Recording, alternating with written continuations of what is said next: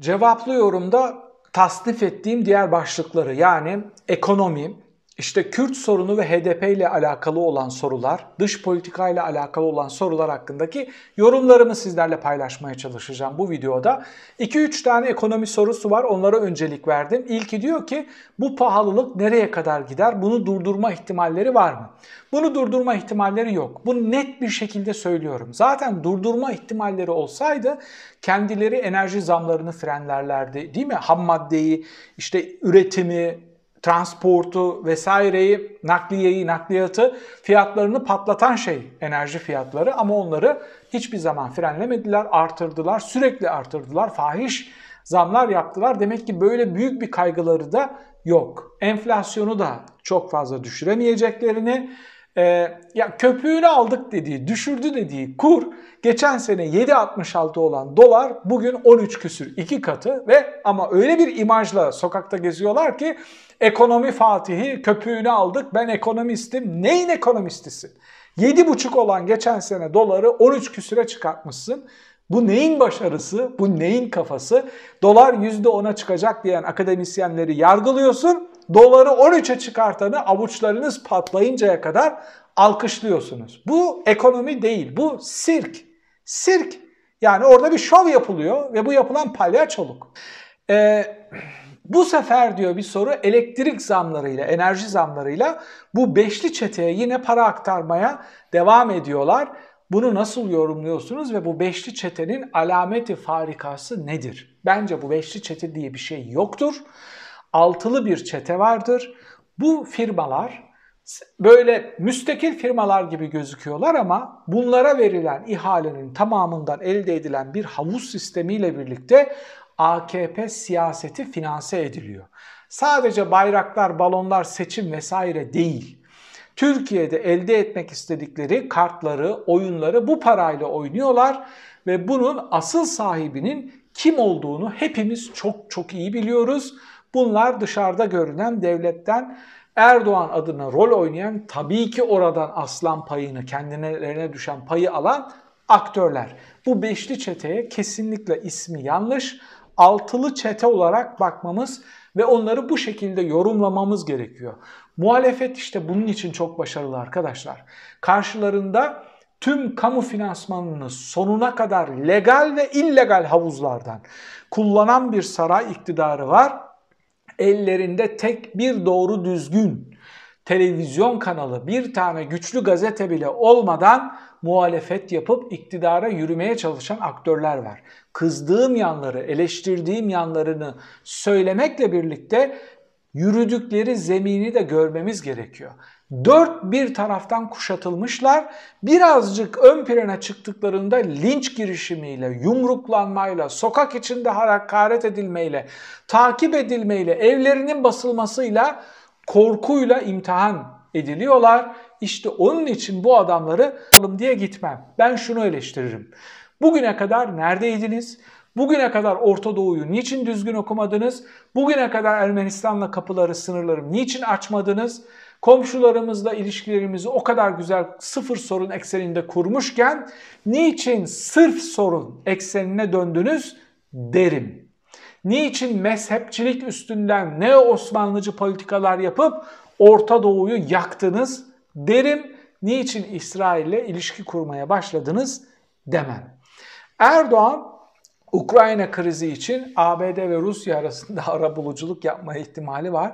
Çok hevesli gözüküyor. Sizce çözer mi diye bir soru var. Arkadaşlar Erdoğan sorun çözebilecek bir aktördü. Geçmişte gerçekten öyleydi. Yani İsrail ile Suriye arasında, İran'la İsrail arasında kapısı ilk çalınan aktördü. Bu kadar doğru yolda, bu kadar güçlü adımlarla gidiyordu. Şu anda Erdoğan gibi sorun üreten, sorunların parçası olan, küresel sistemi göçmenlerle tehdit edip kapıları açıp tehdit unsuru olarak rol oynamaya çalışan bir adamı ara bulucu olarak kim neden masaya davet etsin? Hangi sahiplerle? Yani bu Ukrayna için bile zuldür. Ukrayna'nın bile etrafı sarılmış Ukrayna'nın bile elindeki kartları zayıflatır ve açığa düşürür bir ara bulucu olacaksanız prestijli, itibarlı, demokrasiye, hukuka, evrensel barışa hizmet eden, saygı duyan bir aktörü tercih etmeniz gerekiyor. Bunlardan hangisi Erdoğan'da var? Erdoğan'ı ara bulucu olarak e, bir masaya davet edilmesi, herhangi bir masaya davet edilmesi imkansıza yakındır. Erdoğan uluslararası ilişkiler içinde ancak bir çatışmanın parçası olabilir. Ancak öyle rol oynayabilir. Tıpkı Azerbaycan'a işte destek verip Ermenistan'la savaşta oynadığı rol gibi. Ancak böyle bir rol oynayabilir. Bir savaş içinde, bir çatışma içinde. Soruların büyük bir kısmı HDP ve Kürt seçmeni hakkında gelmiş. Çünkü şunu altını çizdim ben ısrarla. İki tane ittifakın oyları aşağı yukarı aynı. Cumhur ve Millet. HDP nerede durursa Cumhurbaşkanlığı seçiminde o taraf kazanacak. HDP'ye Türk seçmeninin bakış açısı değişebilir mi diyor. Arkadaşlar değişebilir. Yakın gelecekte değişebilir mi? Değişebilir. Nasıl değişebilir biliyor musunuz? HDP Türk seçmeninin nabzını birazcık daha iyi okur ve onların anlayabileceği dilden iki tane açıklama yaparsa o duvarları kırmasaya vesile olabilir. Bunu Demirtaş gibi bir lider yapabilir. Bunu yaptığı zaman Kürt hassasiyeti yüksek olan seçmen oraya nasıl bakar? Sormamız gereken soru budur. Yoksa Türk seçmeni kazanabilmek için söyleyebileceği sihirli cümlelerin hepsini aşağı yukarı hepimiz çok iyi biliyoruz. Mevcut muhalif partiler seçmen korkusuyla HDP'ye mi yaklaşmıyor? Evet.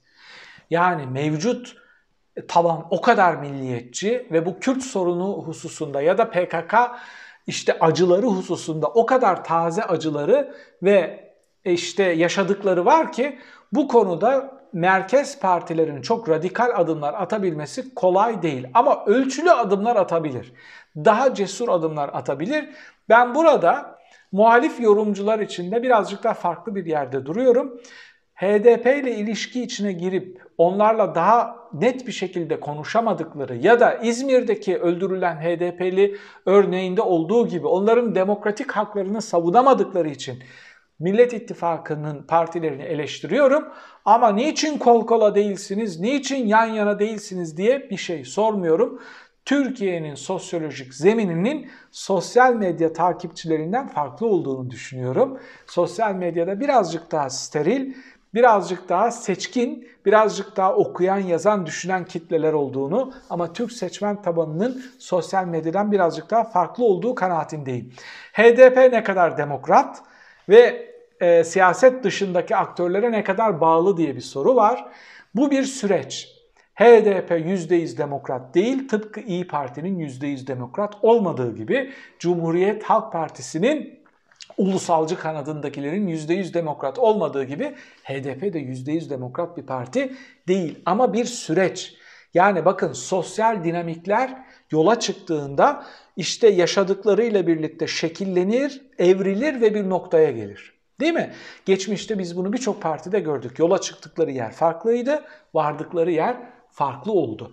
HDP'ye bir şans tanımamız gerekiyor. Özellikle Millet İttifakı'nın aktörleri HDP'nin HDP'nin karar alıcılarını daha pozitif bir şekilde etkileyebilmek için daha sık onlarla görüşmeli, daha sık görüşlerini onlara yansıtmalı ve onların şekilleneceği ve alacağı yol haritasını da etken faktörler olmaları gerektiğini düşünüyorum. Yani HDP'yi bir şans olarak görürsek onu bir mevziye doğru daha işte rahat konuşabileceğimiz bir yere doğru çekme şansımız olabilir. Peki seçmeli Kürtçe dersler ve bu husustaki görüşlerimi sormuşlar. Ben Kürt sorununun temel olarak bir kimlik sorunu olmakla birlikte en önemli sorunun Kürtçe olduğunu düşünüyorum. Yani Kürt sorunu ağırlıklı olarak bir Kürtçe sorunu olarak Türkiye gündemine gelmiştir. Sadece bakın devlet işte seneler sonra Kürtçe kanal açıyorsun değil mi? Sen sokakta satılan Kürtçe şarkı kasetleri kırdırtmışsın. Şimdi onun etkisi o kadar olmuyor. Orada Kürt devletçikleri kurulmuş. Adamlar orada Kürtçe üniversiteler atmış. Sen ben Kürt işte TRT Kürdi'yi açtım diye şak şak bekliyorsun. Öyle değil. Onu 25 sene önce yapmış olsaydın o ezber bozacaktı o hamle. Onun için bugün bugün biz trendleri kaçırmamamız gerekiyor. Ben şundan da utularak, utanarak, sıkılarak söylüyorum. Yani Kürtlerin şu şeyini tanıyalım. Ya kimsin? Tanrı mısın ki sen? Tanıyorsun, hak veriyorsun vesaire. Bunun için mücadele edelim. Kullanacağımız dil, seçeceğimiz kelimelere bile dikkat etmemiz gerekiyor. Bir insanın ana dilini öğrenmesi kadar doğal bir hak olabilir mi? Avrupa'da yaşayan Türkler için Türkiye Cumhuriyeti öğretmen gönderiyor, maaşını veriyor, çift maaş veriyor. Bir euro ile maaş ödüyor, bir de Türkiye'deki maaşını ödüyor. Orada, buradaki çocuklar Türkçelerini unutmasın diye. E aynısını sen bu ülkenin başat aktörlerinden, göçmen de değil, sığınmacı da değil. Sen buraya sığınmış ve göçmen olarak gelmişsin. Başat aktörlerinden, kurucu aktörlerinden Kürtlerin nesilleri için bunu niçin lüks olarak görüyorsun? Duruşum budur ve bu duruş kolay kolay değişmeyecektir. Erdoğan APO ile iletişim halinde Demirtaş'ı tehdit ediyor. Peki muhalif partiler niçin buna tepki vermiyor? HDP dahil diye çok güzel bir soru var. Yani bakın işte burada sesinizin çıkması gerekiyor. Sivil siyasete sahip çıkarken çok güçlü bir şekilde demokrasi ve evrensel değerler adına bağırmanız gerekiyor. Burada sesiniz çıkmadığı zaman Kürt seçmeni ve Kürt tabanı kaybeder ve onlarla işbirliği yapma şansınızı başlamadan yok etmiş olursunuz. HDP dahil derken HDP'nin de çok daha güçlü bir şekilde Öcalan'la nasıl Demirtaş'ı tehdit edersiniz diye çıkıp sert bir açıklama yapması gerekiyordu. Bu benim bile gözümden kaçmış. Naif açıklamalar yapıldı. Hak veriyorum bu kritiğe. HDP'nin içinde olduğu sol sol partilerden oluşacak üçüncü ittifak soruluyor. Bunu kısmen yorumlamıştım geçmişte. Bu üçüncü ittifak parlamento için kurulacak, parlamento seçimleri için kurulacak ve buradan şeyi beklemiyorum ben bir cumhurbaşkanlığı adayı çıkmasını beklemiyorum. Ama bu güçle birlikte cumhurbaşkanlığı adayının, Millet İttifakı'nın belirleyeceği cumhurbaşkanı adayını o sürece etki edebilecek, daha güçlü etki edebilecek bir güç merkezi oluşturabileceklerini düşünüyorum. Bunların da potansiyel oylarının %12 ile %15 arası olduğu kanaatindeyim. Yani 15'e kadar çıkabilir Türkiye'deki sol sosyalist HDP ittifakı parlamento seçimlerinde. Bu da beni şaşırtmaz. Yani erken seçim ittifakta aday göstermemelerini temenni ediyorum. Hani soruyorsunuz ya temenninizi mi söylüyorsun bilgiye mi dayalı diye. Temenni ediyorum. Ben HDP ve sol sosyalist e, akımların önceliğinin, birinci derecedeki önceliğinin baskıcı rejimden kurtulmak olduğu kanaatindeyim. Orada hata yapmayacaklarını umut ediyorum. KHK'lıların sorduğu güzel birkaç tane soru var. Ahim kararlarının bağlayıcı olmadığı e, yorumu doğru mu diyor. Şöyle, ahim kararlarını ifa etmediğiniz zaman e, size tanklarla, toplarla, tüfeklerle saldırmıyorlar.